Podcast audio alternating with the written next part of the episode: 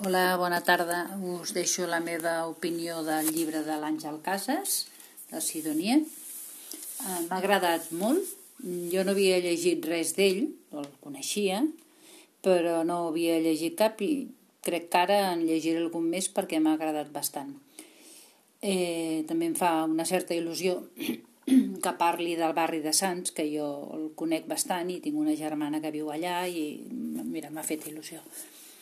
Eh, el llibre parla de moments bastant durs, que, per exemple, doncs, hi ha famílies que per poder portar un plat a taula mm, al dia, una cosa que sembla tan simple, doncs es veuen molts problemes i fins i tot fins a quin punt tenen que arribar fins quins extrems doncs, per poder pujar un fill, com és el cas del Max i de la seva mare. No?